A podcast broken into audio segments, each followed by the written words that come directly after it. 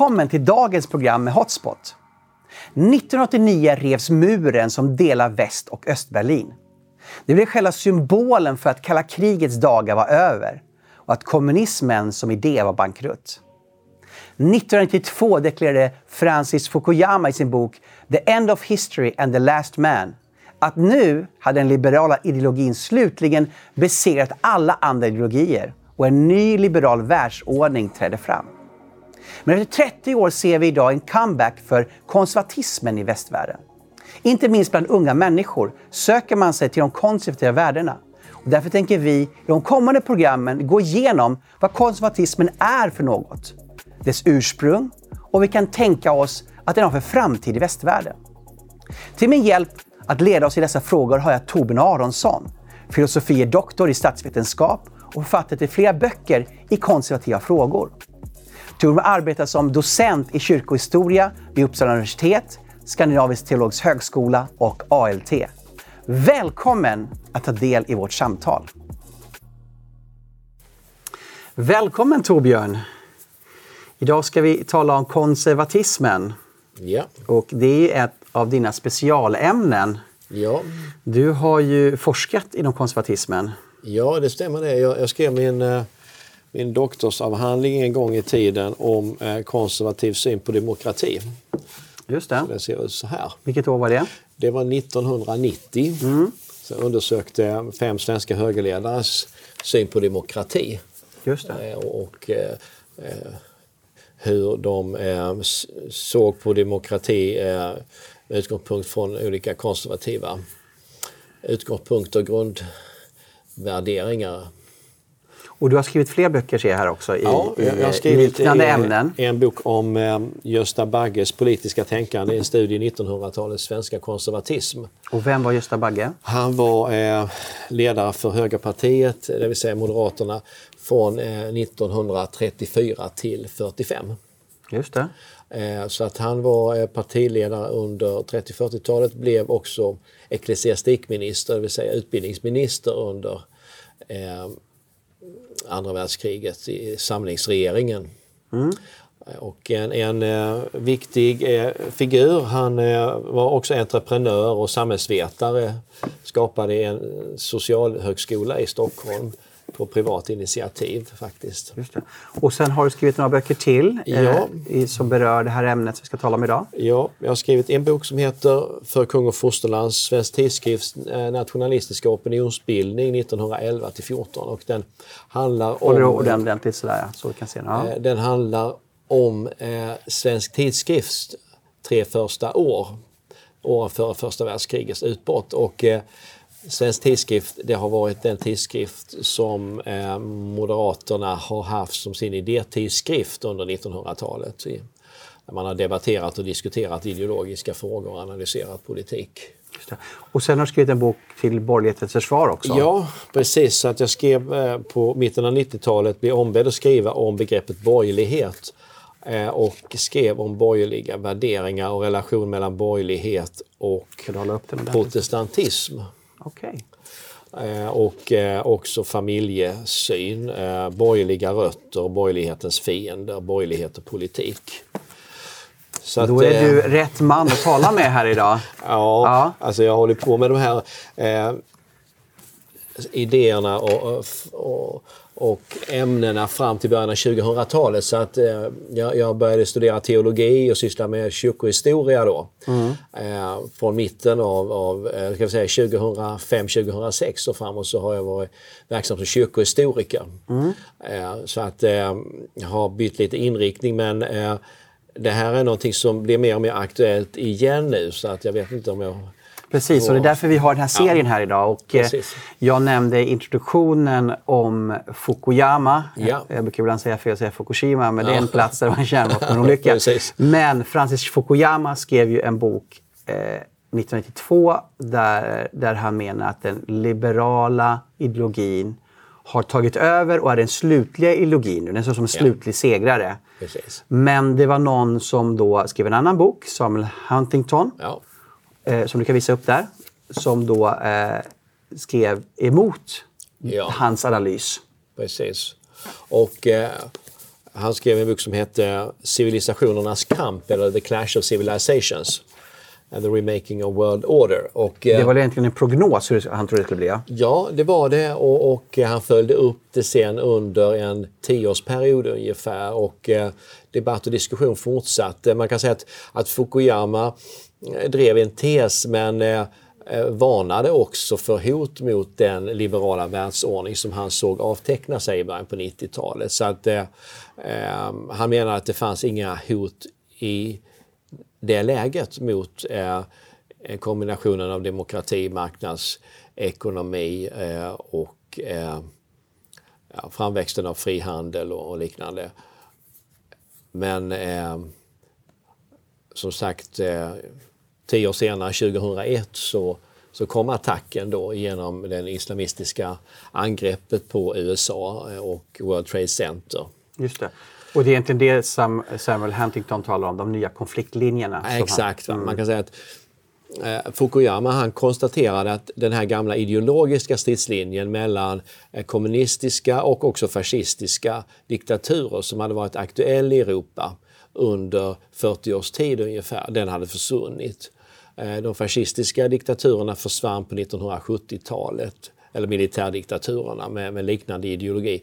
Eh, och eh, kommunismen försvann 1989 i stort sett. Eh, eh, så, så, så var det 89 till 91 kan man säga försvann kommunismen. Så att det fanns inte de starka politiska motsättningarna kvar då utan vad som fanns kvar var då de demokratiska traditionerna snarare. Konservativa, liberala, socialdemokratiska. Just det. Och vi ska idag och några program framöver täcka just de, den konservativa idétraditionen. Ja, exakt. Och eh, när folk överlag talar om konservatism i Sverige eller någonting är konservativt så är det liksom en negativ klang kring det. Ja. Eh, och det, det kanske vi kommer in lite senare på eh, varför det har blivit det. Men innan vi kommer in på det så ska vi lägga en grund om vad är konservatism? Man förstår Ja. vad det är för någonting. Och inte bara är någonting bakåtsträvande utan vad, vad, vad är grunden i det arvet i, Ja. i konservatismen? Precis, alltså man får ju skilja på eh, ska jag säga, attityden eller dispositionen att vara konservativt. Att man kan ha ett konservativt eh, temperament, det vill säga att man eh, är lite förändringsobenägen.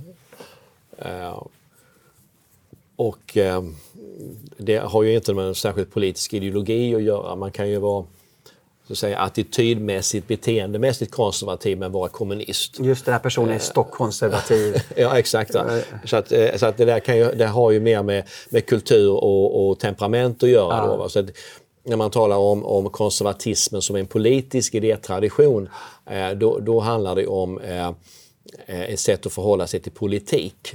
Eh, inte ett temperament eh, eller eh, en viss automatiskt en viss kultursyn syn heller. Och vad är så att säga konservatismen? Kan du, kan du, vad är dess olika politiska grenar och gemensamma syften? Ja, alltså man kan säga att eh, franska revolutionen 1789 brukar man beteckna som starten på, på den, de politiska ideologiernas era. Så före 1789 så har vi inga eh, djupa eh, ideologiska motsättningar eh, på det politiska planet i Europa. Det fanns religiösa motsättningar, kyrkliga motsättningar, men det fanns inte några politiska, ideologiska motsättningar. Eh, men med den franska revolutionen så, så, eh, så skapas det politiska rörelser, sociala rörelser, eh, politiska partier eh, som formulerar program för hur samhället bör se ut, hur staten eh, bör användas och, och hur staten bör fungera.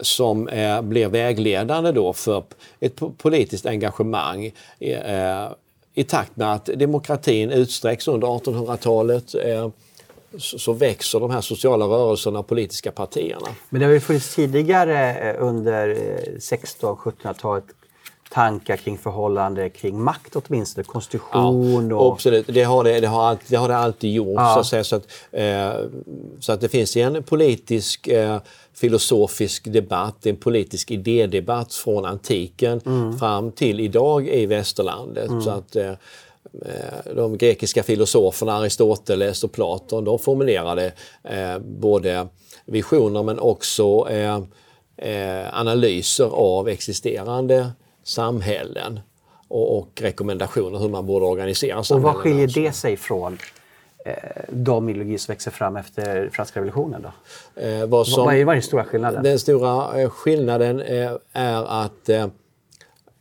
ja, man kan säga att, att de, de ideologier det här handlar om, eller idétraditioner ska man säga. Eh, för att när man talar om ideologi då menar man ofta ett tankesystem som är logiskt sammanhängande som utgår från vissa postulat eller utgångspunkter. Och ganska heltäckande ja, för en samhällsvision. Exakt. Mm. Och eh, då kan man säga att, att det är mera analytiska konstruktioner. Det, det, det, de här, eh, det som man brukar beskriva som politiska ideologier, eh, det är mer sammanfattningar och renodlingar av eh, idéer och ståndpunkter som olika politiska partier och, författare och filosofer, enskilda politiker har, har haft. och ska man kunna göra en dra upp skiljelinjer mellan då olika strömningar eller idétraditioner Eh, då behöver man gå tillbaka och titta på vilka filosofiska förutsättningar har man. Eh, hur ser man på människan? Hur ser man på samhällets grundkonstruktion? Hur fungerar samhället? Eh, vad är historiens mål? Har historien något mål överhuvudtaget? Eh, hur eh, ser man på förändring i samhället? Eh, vad är statens roll i relation till samhället? Alltså det finns vissa grundläggande postulat kan man säga. Grundläggande förhållningssätt som får konsekvenser för hur man ställer sig i aktuella, konkreta politiska frågor. Eh, och på den här aktuella, konkreta nivån, eh, där går det inte liksom att, eh, eh, hitta sådär särskilt renodlade alternativ det vill säga liberaler, konservativa socialister eh, av olika schatteringar eh, har kunnat inta eh, samma ståndpunkter. Eh, och ibland eh, har man haft ståndpunkter som är motsatta de som har samma eh, grundläggande idéer. Så att när man vill tala om skillnader mellan ideologier och idétraditioner då måste man gå ner på den här basala nivån. Då. Mm. Hur ser man på människan? Hur ser man på staten? Eh, hur, hur, ser man på samhället, historien, liknande.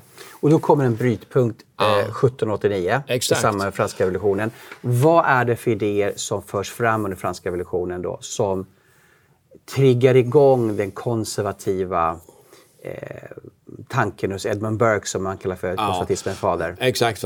Det, det, det, här är ett politiskt skeende som är väldigt eh, som är mångfacetterat mm. och där flera idétraditioner föds egentligen.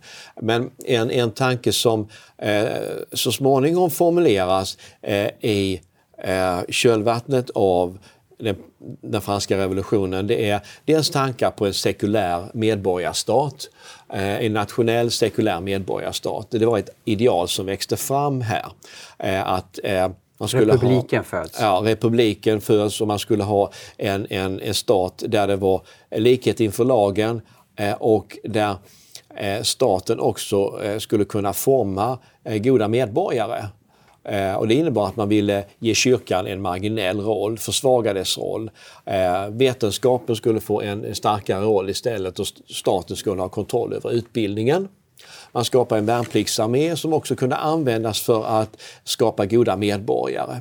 Så det är ett slags politiskt projekt som eh, eh, lanseras eller växer fram eh, i de politiska motsättningar som, som fanns under de tio år som följde mellan 1789 och 1799 när Napoleon tar makten. Och så har man ganska radikala idéer hur man vill förändra Ja. människorna. Exakt. Så Man kan, och säga att, man kan säga att, att man, eh, dels så finns det en, en, en revolution som, som genomförs och Mm. som är stegvis och som radikaliseras och som ledde till ett terrorvälde mellan 1793 och 94. Under jakobinerna. Exakt? Mm. där man lät eh, förbjuda den katolska kyrkan i Frankrike. Man avrättade eh, 2-3 tusen präster.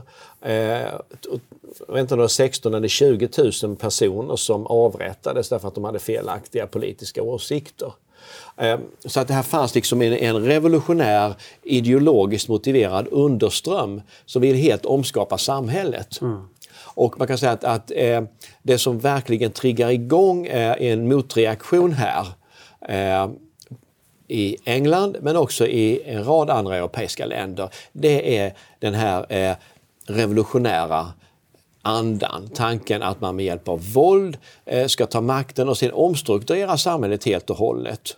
Man ville skapa en helt ny typ av stat. Eh, men man införde också eh, eh, nya system för eh, för kalendern. Eh, metersystemet införde man. Eh, man ville skapa en ny religion.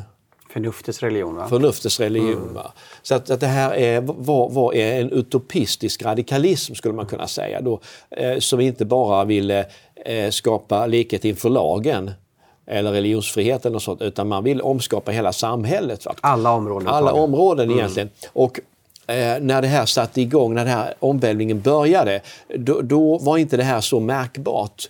Eh, det var en del som såg de här strömningarna, eh, såg det revolutionära våldet och som reagerade på det. Får jag bara fråga, vilka var det som var eh, idéskaparna bakom de här förändringarna man ville skapa? Vilka var inspiratörerna? I, Ja, Inspiratör, inspiratörerna fanns i radikala upplysningstänkare. Upplysningen var en bred rörelse och, och där fanns de som eh, ville ha monarki. Eh, Voltaire var en viktig upplysningsfilosof. Han ville ha monarki, han ville ha eh, en upplyst monark som styrde och skapade upplysning och vetenskap i samhället, bidrog till det. Eh, Men det fanns också... upplyste despoten. Exakt, det var han. Så att hans efterföljare de stödde den franska monarkin i den här omvälvningen. Det tänker man inte på. Och, och en del av hans efterföljare de blev konservativa efter eh, revolutionen. Eh, nej, alltså de som inspirerade det radikala det var Jean-Jacques Rousseau, eh, det var ateistiska tänkare eh, också som fanns som hade kommit fram och eh, som ville... Eh, en del var väldigt antikristliga, antikyrkliga. Eh, en del ville ha en, en nationell eh, sekulär stat helt enkelt. Eh, man ville ha bort privilegierna, man ville ha leket inför lagen, man ville ha ett nationellt parlament. Eh, men man ville också eh, så småningom omstrukturera samhället och, och gå betydligt längre. Eh, Så att det, det var olika lager så att säga och eh, det fanns ett revolutionärt våld eh, i detta som eh, triggade fram ska vi säga, den här reaktionen då från de som blev idégivare till den konservativa traditionen. Just det. Och vilka var det och vad var deras huvudtankar? Ed, Edmund Burke brukar man ju nämna då som var en viktig brittisk parlamentariker. Han var en av de stora eh, sanningssägarna i det brittiska parlamentet och hade stött bland annat det amerikanska frihetskriget trots att han satt i parlamentet. Och det var ju en revolution. Det var det på sitt sätt. Va? Så att han, han var, grundläggande var han motståndare till revolutioner men han, han såg att här var det den brittiska kronan som faktiskt inte följde sin egen, sin egen lag eller sin egen rättstradition. Eh, man började ta upp skatt utan att tillåta medborgarna eh, i kolonierna att vara representerade och delta i beslutet. Och sen har han väl, gav han ett visst stöd också till den revolution som hade skett ungefär 100 år tidigare i England, 1688. Ja, alltså han, man kan säga att han, var, han eh, menade att, att det var eh, en, inte egentligen en revolution menade han, utan han menade att eh, kungen hade avvikit helt enkelt, vilket han hade gjort också. Eh, och att då var folk lösta från sin lydnadsplikt mot honom. Sen, sen är det ganska komplicerade, eh, alltså, hur, man, hur man såg på 1688 års revolution. Det fanns eh, olika uppfattningar om det i England och Burke eh, ville inte gå för djupt i det därför att han eh, han ville framförallt eh, han ville försvara bland annat den katolska irländska befolkningen som hade råkat illa ut efter den den ärorika revolutionen i England och så vidare. Så att, men, men han accepterade förändringarna och han, framförallt så slog han vik, vakt om eh, den brittiska rättstraditionen. Mm. Eh, och hela det system kan man säga som hade vuxit fram. Som, eh, där man hade en kyrka som spelar en central roll i samhället, eh, där lagen är, är, är, kung så att säga. Eh, där man inte har någon form av de, despoti. Så rättssäkerhet, kyrkans roll ja. och vad är mer är, är Ja, överhuvudtaget samhällstraditionen då att eh, den författning som finns den är ett resultat av att människor har funderat över vad som är rätt och fel. Det vill säga, utgångspunkten för Burke det var egentligen att Gud styr historien och Gud verkar i människors samveten. Eh, och när kristna människor tillsammans eh, då eh, Eh, styr ett samhälle, arbetar med det, ja, då, då tar man ställning till olika frågor med utgångspunkt både från samvetet och den kristna traditionen. Eh, och eh, utifrån det och de situationer som finns så skapar man institutioner och lagar då som man sen kan utvärdera och, och som bidrar till att bygga samhället. Så att han menar att, att det fanns både en gudomlig, ett gudomligt eh, inflytande i historien och i samhälls utvecklingen om det är ett kristet samhälle. Han menade också att, att det fanns visdom, eh, då, mänsklig visdom i samhällsutvecklingen. De beslut som hade tagits, de lagar som fanns. Man skulle inte så att säga, riva ner det som hade byggts upp under generationer utan man skulle utvärdera och skulle man förändra skulle man göra det varsamt och gradvis. Just det, så det är någon sorts att Dåliga idéer har man med tiden rensat bort, bra idéer har överlevt ja. genom generationerna. Han, han, var inte motståndare till reformer, Nej. men han var motståndare till revolutioner. Just det, för man får ju lätt bilden av att konservativa är motståndare till alla former av förändringar. Ja. Men det är ju inte det som är konservatismens grundtanke. Nej, utan... det är det inte, utan snarare hur man genomför förändringar. Alltså, mm. Alltså, förändringar är, är ju alltid eh, Eh, oundvikliga. Mm. När det sker samhällsförändringar eh, nya problem uppstår så, behövs det eh, ny lagstiftning, ny politik. Eh, men frågan är om den eh, baserar sig på eh, den samhällstradition som finns, eh, den, den rättsordning som finns, eh, de intressen som finns i samhället också. Mm. Vad, vad som gjorde Burke skräckslagen, det var när han såg den radikala mobben ta makten i Paris eh, samtidigt som den här radikala mobben, eh, Pöbel, hade ett ideologiskt program. Då insåg han, eh, som också var väldigt radikalt, då insåg han att, att här, här kommer man att riva ner ett samhälle som har byggts upp under hundratals år. Mm. Frankrike var Europas kanske viktigaste kulturnation. Eh, och även om det fanns stora problem med alla möjliga saker och ting så eh, uppfattade han det som helt vansinnigt, alltså att man ville göra rent hus med det då, va? och med våld bryta ner de samhällsstrukturer som fanns. Mm. Så att eh, konservatismen är, är grundläggande ett försvar för ska vi säga, den västerländska civilisationen som har vuxit fram under århundraden och där eh, kyrka och kristen tro eh, spelar en viktig roll och, och, där man utgår från att både människors samveten och Gud är verksamma i historien. Just det. Och vikten av eh, de olika institutionerna, äktenskapet, ja, kyrkan, de små gemenskaperna. Exakt. Precis. Att, att det är den bärande kraften i ett samhälle, ja. inte staten i sig. Utan... Nej, utan, man kan, utan är, snarare så är ju då eh, staten spelar ingen viktig roll i den brittiska utvecklingen. Där är, var staten av underordnad roll när det gäller industriella genombrottet eller marknadsekonomins framväxt. Eh, men man skapade goda lagar för att möjliggöra en positiv samhällsutveckling. Eh, I Frankrike så var staten mycket mer dominerande. Det fanns en, eh, en etatistisk tradition kan man säga, en statscentrerad samhällstradition där kungen hade eh, eh, spelar en central roll då personligen. Just då, hans visioner. Ja. Han var inte enväldig utan det fanns andra institutioner också. Men, men eh, oavsett om staten var central eller staten var mer marginell så menade Burke att eh, man måste genomföra reformer gradvis, försiktigt. Eh, man måste göra det, ska vi säga, med utgångspunkt från en vördnad för den västerländska civilisation som mm. det hela har vuxit fram ur. Just det. Så mycket är civilisationsförsvar. Det som har den här långa historien eh, och som innehåller så mycket Eh, det är skört, det ska vi vara rädda om.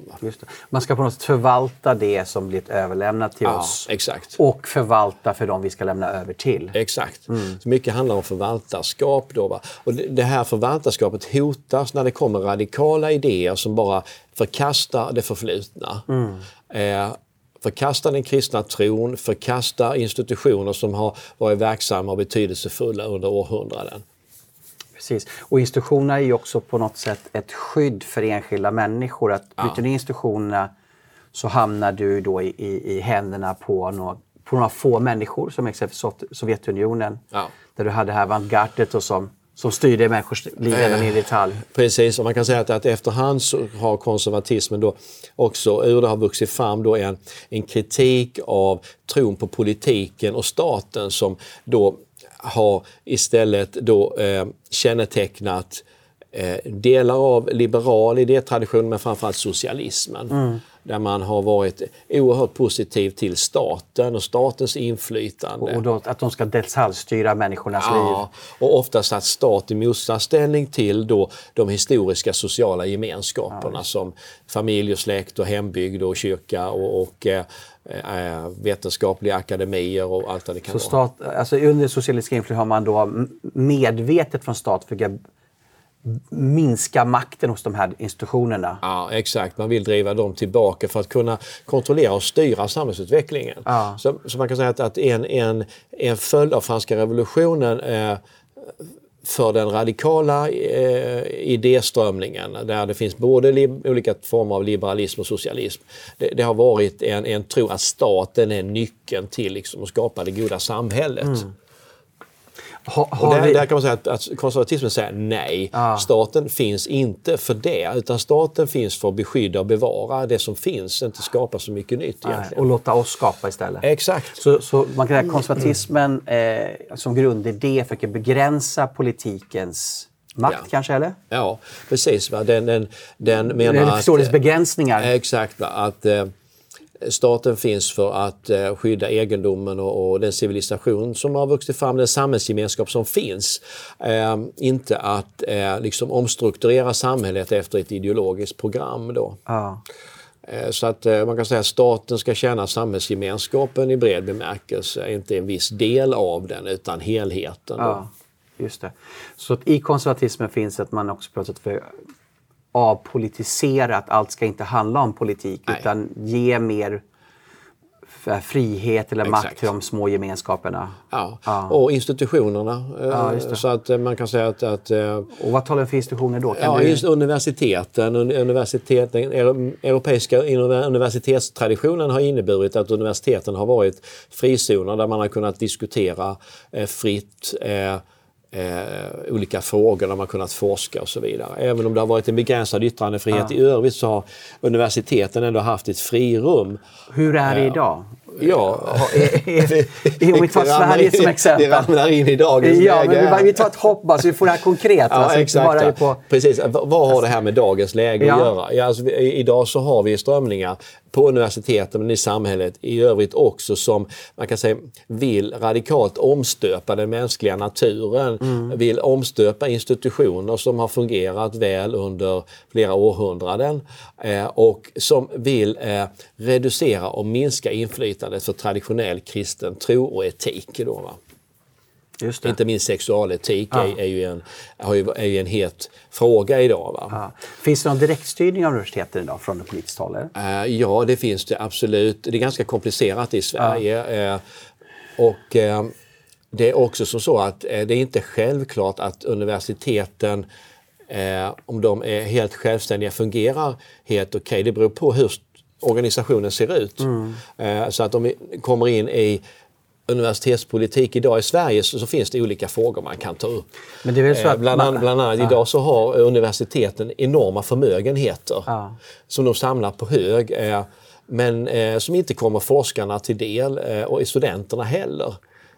Så att vi har, vi har ett administrativt styre av universiteten idag som politikerna inte lägger sig i men som inte forskare och studenter tjänar på. Ja, just det. Men man tillsätter från politikerna, de sitter Ja, i de- universitetsstyrelserna. Eh, Det kan de göra. Sen så väljer man också en del, om man väljer rektorer ibland och sånt där. Men man kan säga det att tanken på universiteten som självständiga lärdomsinstitutioner där det är forskare och studenter som bestämmer. Eh, och forskare och studenter som, som har frihet att uttrycka sina idéer och åsikter och också forska fritt. Det är någonting som idag är definitivt eh, är, är, är, håller på att försvagas.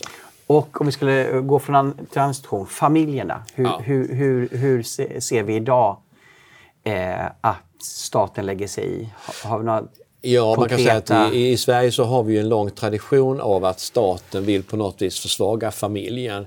Det har varit i den socialistiska, eh, en socialistisk målsättning på något vis. Försvaga familjeinstitutioner från 1960 70-talet och framåt i alla fall. Alltså går man tillbaka till 30, 40-tal, 50-tal så, så fanns det en, även en, en socialdemokratisk politik som faktiskt understödde kärnfamiljen eh, och som eh, eh, kunde vara negativ till abort också. Va? Så att man kan säga från de sista 50 åren så, så har vi fått en politik i Sverige som är familjefientlig. Eh, som eh, utgår från att, att eh, familjerna ska styras. Man har begränsat familjernas möjligheter att självständigt bestämma över sin ekonomi. Eh, att bestämma över utbildning eh, och omsorg för sina barn. Just det, man har exempelvis att det ska vara obligatorisk förskola från, vilken ålder var det man nu Ja, föreslog? nu, nu vill man ha det från tre års Tre års ålder, ja. Man, Man har en bestäm- läroplan från ett års ålder. Ja, man bestämmer hur, hur paren ska fördela sina föräldradagar med barnen. Ja. Man, alltså, men det går väldigt man ner på har en, en, detaljnivå. en fruktansvärd, eh, fullständigt absurd subvention av eh, den eh, kommunala förskolan också. Eh, eller den offentliga, offentligt finansierade förskolan. Så att det är enorma summor som vi lägger ner på, på detta. Är det ens lönsamt? Nej, det är inte lönsamt och det är inte, är det inte bra för, för eh, eh, om vi tittar på psykiska ohälsans utveckling bland, bland unga i Sverige och, och, och, och vi tittar på, på deras uppväxtvillkor eh, så måste man dra slutsatsen att eh, denna fruktansvärda, eh, oerhörda subvention av den offentliga barnomsorgen och detta att man har drivit att, att eh, man ska låta det offentliga ta hand om den är, är ett misstag och att det har fått väldigt negativa konsekvenser. Just det. Och det här är då den, vad konservatismen vill begränsa. Då, Exakt. Att, att man, man, vill säga det att, man vill inte säga att, att alla eh, mammor eh, måste vara hemma eller alla pappor ska jobba eller något sånt där. Utan det är också handlar- en form av klåfingrighet. Ja, det är klåfingrighet också. Utan Tanken är ju att familjer är olika, vilket de är, Mm. eh, och har olika villkor under olika delar av livet. Och därför ska de bestämma. Mm. Så att man kan säga att konservatism handlar om att, att du ska skjut, skjut makten neråt till de som det berör, så att säga. Se till att staten upprätthåller lagen. Och lagen ska på något vis återspegla majoritetens sätt att leva. Eh, och naturligtvis också eh, en, form av, av eh, den form av uppfattning om vad som är rätt och fel som finns Just det i är, människans samvete och, och den västerländska traditionen. Så att det här med konservatism är, är, fungerar inte riktigt att tillämpa hur som helst utanför den väst, västliga kulturkretsen. så det, alltså det kräver en viss eh, homogen kultur som har sina rötter hundra Ja, man, man sekler, kan säga att det, tillbaka. eller? behöver, kanske inte, behöver inte ha, ha en homogen kultur. Eh, Men däremot eh, så kan man säga att eh, den judisk-kristna traditionen i bred bemärkelse är, är liksom den tradition inom vilken... ska dominera då. Ja, som, som, som där, där man har formulerat de här idéerna. Mm. Eh, och eh, det betyder inte att man inte kan tillämpa dem i, i en buddhistisk eller hinduisk eller annan eh, typ av eh, samhälle med, med den typen av religiös tradition. Det kan man göra till viss del men, men det är inte det, det är liksom ganska komplicerat så att säga. Man kan säga den här allmänna tanken om att man ska förändra gradvis och stegvis och ta hänsyn till kulturella, sociala traditioner och så vidare. Det kan man tillämpa överallt. Eh, För jag menar, Japan är ett väldigt konservativt samhälle. ja, absolut. absolut. Men det ligger mer till det. Det är då kanske då rätts... Ja, eh, exakt. Den, den, den, eh, man brukar ju säga det att att eh, den västerländska civilisationen och därför också den konservativa eh, idétraditionens grundpelare det är Grekland, Rom och Jerusalem. Eh, den grekiska kulturtraditionen eh, med, med eh, eh, allt från drama till filosofi och, och eh, arkitektur och allt möjligt. Grekland spelar jättestor roll i den västerländska kulturtraditionen. Och representationen också då? Ja. Mm. Och, och sen Jerusalem. har vi romarriket ja. med, med, med också stadsbyggnadskonst, också tanke på maktdelning, eh, på, eh, eh på eh, lagstiftningens roll i samhället, eh, rättsordningen. Eh, rättssamhället, eh, rättsordningen, rättstraditionen i västerlandet eh, har hämtat mycket från den romerska rätten så att säga. Det finns ju andra saker som inte är lika bra som vi mm. har kommit från Grekland och Rom också. Mm, så mm. det, det, är ju inte som så att konservatismen säger allt var bra som var, fanns i Grekland och som fanns i Rom. Mm. Från Rom kommer imperietanken också. Som, eh, och från, eh, från Grekland så kommer det politiska idéer som har inspirerat eh, eh, kommunism och socialism också. Så att det är inte så enhetligt utan vad man är intresserad av är egentligen att försvara den civilisation som har de här rötterna eh, och som har resulterat i ett samhälle som är lagbundet, eh, där det finns eh, frihet både för individ och för sociala gemenskaper. Och där eh, den så att säga, eh, samhällstradition och kulturtradition som har vuxit fram har möjlighet att föras vidare. Mm, mm. Sen är det också att eh, eh, staten ska begränsas till en kärnverksamhet. Mm. Och vad, vad, menas med det? Ja, man kan säga att utgångspunkten för konservativ politik eh, har ofta varit människosynen. Att människan är ofullkomlig, människan är grundläggande självisk Eh, och det går inte att skapa liksom något altruistiskt utopiskt samhälle därför att människan tänker främst på sig själv. Eh, och eh, eh Ska man kunna då bygga ett samhälle så måste man hålla tillbaka de här själviska eh, anarkiska impulserna som finns i den mänskliga naturen. Eh, och då måste man ha starka institutioner men man behöver också ha ett försvar därför att vi lever i en värld av samhällen och stater som eh, eh, var och en ser till sitt bästa. Eh, och eh, då måste man ha en, en försvarsmakt. Man brukar säga att antingen så har man sin egen armé eller någon annans. Alltså det finns inte någon, någon fredlig utopi som vi kan leva i i den här världen. Den här världen är under förbannelsen skulle man kunna säga. Den är under eh, eh ett, ett ofullkomlighetstillstånd så att säga och det finns inte någon väg ut ur det. Och det betyder att, att man måste bevara och beskydda snarare än att försöka skapa någon form av utopi. Eh, och följden av det, det är att staten bör, bör, ha ett ansvar för att förvalta och försvara. Upprätthålla lagen, eh, upprätthålla eh, de gränser som eh, staten eh, har ansvar för och så vidare. Mm, just det. Eh, man talar ju om kristen konservatism och sekulär konservatism. Ja. Kan du förklara på skillnaden mellan de här två? Ja, eh, ända från 1700-talets eh, slut, från franska revolutionen och framåt när den här eh, då radikala revolutionära potentialen eh, manifesterades och sen har utgjort ett, ett hot ska vi säga, mot den västerländska civilisationens tradition. Då eh, har eh, som sagt eh, det funnits två sätt att, att, att, försvara detta. Ehm, det ena har varit utifrån ska vi säga, mer sekulär upplysningsfilosofi.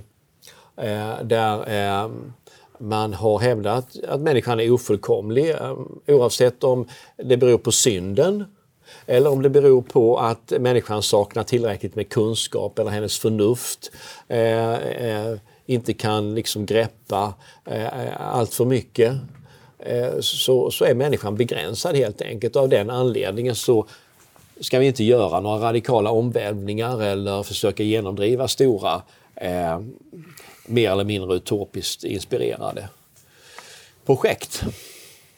Eh, så att eh, det finns en, en, sekulär tradition som hävdar människans ofullkomlighet. Både moraliska ofullkomlighet men också rationella ofullkomlighet. Människan kan inte överblicka konsekvenserna av sina beslut. Eh, och därför ska hon inte ta beslut som är alltför radikala eller lång, Det bygger på en realism av ja, exakt. människans begränsning. Eh, Ja. Så att eh, det är liksom, eh, det finns man kan säga lite mer om den där sekulära traditionen om man vill. Men, men sen har vi en kristen tradition då som, som utgår ifrån, ska vi säga, den traditionella kristna socialetiken. Eh, både katolsk och, och, och luthersk och reformärt socialetik. Och vad lägger den till då, till, till den sekulära som inte Ja, man kan har? säga att utgångspunkten då det, det är ju att, eh, att Gud är verksam i historien och att människan är ansvarig inför Gud för sina handlingar. Eh, att eh, synden finns som en, en realitet både i den enskilda människans liv och i samhället. Och, och därför så är utopier inte möjliga, de är direkt skadliga och, och, och eh, Eh, de hotar samhällets eh, eh, så att säga, positiva utveckling. Då. Så att den kristna traditionen innebär också ett vaktslående om människans värde, att människan är skapad till Guds avbild. Så det finns ju ett civilisationsarv i den västerländska traditionen. Som innebär barmhärtighet mot den som är svag, solidaritet med den som lider nöd. Eh, Det är ingenting som har med socialism att göra utan det är ju kristen etik, gyllene regeln. Eh, Gör mot andra det du vill att andra ska göra mot dig. Ta väl hand om den fattiga och främlingen och så vidare. Eh, Så det här sociala patoset som kommer ur den kristna tron, den är en del av den konservativa traditionen också. Och den har förverkligats gång på gång så att säga. De konservativa eh, har tagit initiativ på det sociala området men har gjort det på ett annat sätt än socialister. Istället för att säga att staten ska göra det och fixa det så har man sagt att människor måste själva ta ett ansvar. Men sen har vi kyrka, vi har förening, organisationsliv, Civilsamhället. civilsamhälle Ja, i bred bemärkelse. Och, och också, det måste finnas möjligheter för människor att eh, ta eh, välfärdsinitiativ. Eh, det vill säga rika människor som vill donera, som vill ge till, eh, till välgörande ändamål måste kunna få göra det. Eh, socialismen har ofta sagt nej till allt sådant. Så tittar man, om man vill se vad som utmärker socialistisk idétradition så är det vaktslåendet om staten, att staten ska ha monopol på allting i princip. Eh, Den konservativa säger att staten ska göra vissa saker och staten har ett ansvar i vissa eh, utsatta lägen för medborgarna i varje stat. Men när det gäller samhällets uppbyggnad, fyllandet av sociala ekonomiska behov, kulturella behov, eh, så måste man låta helheten av samhällsgemenskapen spela roll. Inte bara staten utan eh, företag, gemenskaper av olika slag. Just det, så då, då utgår man ju från att människan är eh, en komplex varelse. Människan är, har både potential till ondska, Precis. måste då begränsas genom lagar, Ja. militärmakt, polis. Precis. Och Men familjen också- kan man också säga att familjen bidrar på något vis att förmedla normerna som också håller tillbaka, eh, eh, faktiskt, som bidrar till fostran. Så fostran, den, den främsta fostran är då föräldrar, familj. Ja, inte ja. skola, Nej. upplysningskampanjer. Exakt. Ja. Man kan säga att det är, socialismen, särskilt i Sverige, har, har varit besjälad många gånger av en rousseauansk människosyn och en, man har vurmat för en progressiv pedagogik också. Där man har hävdat egentligen att människan är grundläggande god, hon behöver inte fostran. Den enda fostran hon behöver är egentligen att lära sig socialt samspel, att lära sig fatta demokratiska beslut i en viss ordning och samarbeta kring olika projekt.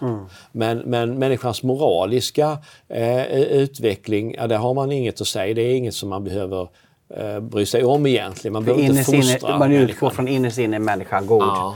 Och, och, och det goda är det naturliga. Man behöver inte liksom lära sig att respektera andra människor eller följa eh, regler och, och eh, ta hänsyn till olika förhållanden. va. Utan det, de här strukturerna begränsar egentligen människan och de ska bort. Exakt, ja, ja. precis. Men, men så då har vi den här begränsande delen då av, av att begränsa människans eh, potential att göra det onda. Men i konservatismen finns ju också då att frigöra människans del som vill göra det goda också. Att människor, behoven blir fyllda i samhället om vi tillåter civilsamhället att göra det. Ja, precis. Man kan säga att, att det europeiska samhället, eh, den västerländska civilisationen är, är komplex. Alltså där finns det eh, dels eh, då kyrkor som har betytt mycket i århundraden för hela det sociala livet och välfärdslivet. Eh, de eh, fyller många behov eh, och de måste få möjlighet att fortsätta göra det. Och som sagt, när det gäller då utveckling av och kreativa lösningar i det moderna samhället så måste det finnas möjlighet för, för företag att, att utvecklas, inte vara begränsade av en detaljlagstiftning mm. som är ideologiskt inspirerad bland mm. annat. Alltså idag så har vi mängder av lagar som är ideologiskt inspirerade där man ålägger företag och numera också myndigheter mängder av ideologiska krav då som begränsar möjligheten att utveckla verksamheten, att, att vara kreativ och ta initiativ. Så, så en del av konservatismen är själva bevarandet, mm. en annan del är den frihetliga ja. delen. Exakt. Därför att eh, man inte ska lägga sig i utan låta ja. de här institutionerna, alltså det är företag eller kyrka eller familj, Exakt att göra det som de vill göra. Exakt, man kan säga att, att man, man, man är övertygad om att det finns en slags spontan ordning som kan etableras om man ser till att upprätthålla rättsstaten, mm. statens kärnfunktioner eh, och se till att institutionerna kan fungera och verka som, som avsett. Eh, det gör de inte automatiskt utan det behöver understödjas.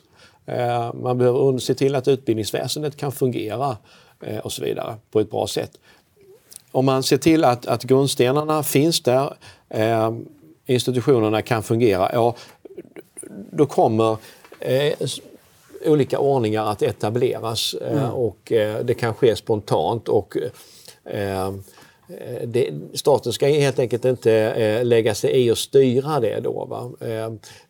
statens primär, alltså vad som händer om staten börjar göra saker och ting som eh, går utöver det som är kärnuppgiften, basuppgiften att, att förvalta tvångsmakten, det är att eh, det kommer hela tiden oavsedda konsekvenser. Det är mycket detta som socialister och kommunister och andra radikalister har svårt att acceptera. Att eh, när vi använder statens makt, tvångsmakten, så får det hela tiden oavsedda konsekvenser som ofta är negativa. Just det. Så när civilsamhället får mer vara i fred så är det ja. självreglerande? Ja, staten... i högre utsträckning. Alltså, staten ska gå in när eh, civilsamhället ramlar ihop. Ja.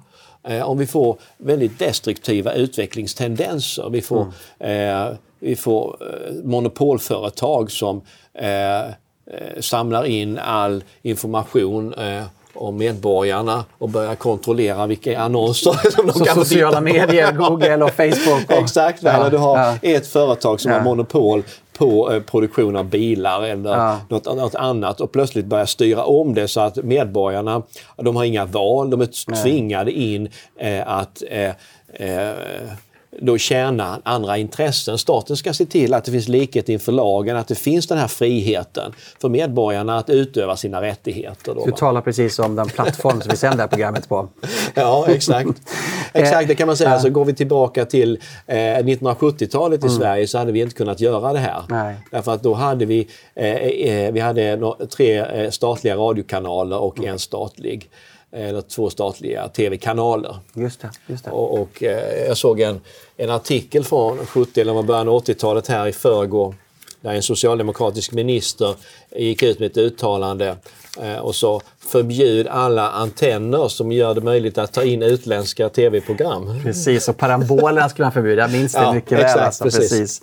Men du, det, det finns ett förhållande här i konservatismen mellan frihet och auktoritet som ja. kan spontant kännas lite komplicerad. Alltså man, man tror ju på en, en styrande elit, ja. man tror på en, en befolkning som är underordnad eh, eliten eh, och samtidigt ska det vara frihet för de enskilda. Hur, hur skulle du vilja bena ut förhållandet mellan, mellan, mellan, uh, mellan statlig auktoritet och folkets frihet i konservatismen? Ja, man kan säga att, att, att en, en parameter eh, det är eh, den rättsstat som finns, den rättstradition eh, som eh, innehåller då eh, alltid medborgerliga fri och rättigheter. Då ska man försöka att eh, att säkra eh, individens grundläggande mänskliga behov genom de rättigheterna.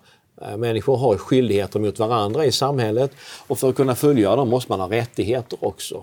Så grundläggande handlar om att när, när rättigheterna finns på ja. plats, då finns det också rätt för staten att kunna styra också? Ja, man kan säga att, att eh, skyldighet, människan har grundläggande skyldigheter mot varandra i en samhällsgemenskap. Och då kan man säga att, att eh, att staten finns både för att se till att människor faktiskt följer sina skyldigheter men också för att upprätthålla eh, rättigheter via en, eh, ett, en rättsstat, en rättsordning. Därför att eh, de här rättigheterna kan ju de kan trädas för när både av en, andra enskilda organisationer eh, också av statliga myndigheter. Mm. Det behöver finnas ett oberoende rättsväsende som garanterar de här. Just det, så min eh, frihet inte ja. blir till dig till skada. Nej, och, och, där kommer då auktoriteten och lagar. Exakt. Och sen kan man säga då att, att eh, utgångspunkten är att majoritetskulturen eh, är det som bestämmer ytterst sett statens lagar. Eh, och eh, det betyder att eh, tanken på små eliter som introducerar nya beteenden och normer via lagstiftning. Det är liksom djupt främmande för den konservativa traditionen. Alltså den vill beskydda medborgarna från sånt. Va? Som skedde i Frankrike då. Ja. För de flesta fransmän var ju katoliker och så skulle den lilla eliten ja, exakt, va? precis. lägga ner katolska kyrkan. Ja. Mm, precis. Eh, och, och, jag menar det är som vi, vi, vi har eh, vi har i, i, under 21 århundradet här i Sverige en lång rad eh, lagar som introduceras som inte motsvarar en förändrad, ett förändrat beteende Nej. hos befolkningen. Eh, det är djupt okonservativt, så att säga. det är mm. radikalt. Mm. Man lyssnar inte in befolkningen utan man, man driver sin vision och Exakt, kör över ja. människorna. Så konservatismen mm. den, den utgår från den samhällsgemenskap som historiskt har vuxit fram. De idéer och normer som finns där. Det är det som staten ska skydda. Det är den kultur som samhällsgemenskapen har. Just det. Eh, man ser lite historiskt så här så har ju konservativa, vi talade i början om ett konservativt kynne, alltså en ja. förändringsobenägenhet det har ju också faktiskt slagit igenom hos konservativa krafter i politiken också. Eh, sånt som man då kanske andra grupper har, socialister eller, eller liberala drivit igenom. Som man i efterhand sagt, ja men det här var kanske väldigt bra eller vi åtminstone accepterar det här. Eh, hur, hur ska man se på det? Det, är ofta, det har varit så eh, gång på gång. Mm. Eh, men det har varit också, finns också motsatta situationer där socialister och liberaler har drivit igenom reformer som har visat sig helt huvudlösa och helt galna. Och där de var tvungna att ändra sig. Och det brukar man inte lyfta fram. Nej, man kan inte göra det. Men mm. alltså, idag så har vi ju, jag menar, Sverige avskaffar sitt försvar 2008 i princip. Alltså börjar demontera det på ett radikalt sätt här. Eh, man börjar ju tidigare men, men eh, jag menar, det, det, är någonting som alla politiker i Sverige idag inser var fel. Mm. Och idag så upprustar vi kraftigt för att ta igen det vi förlorade.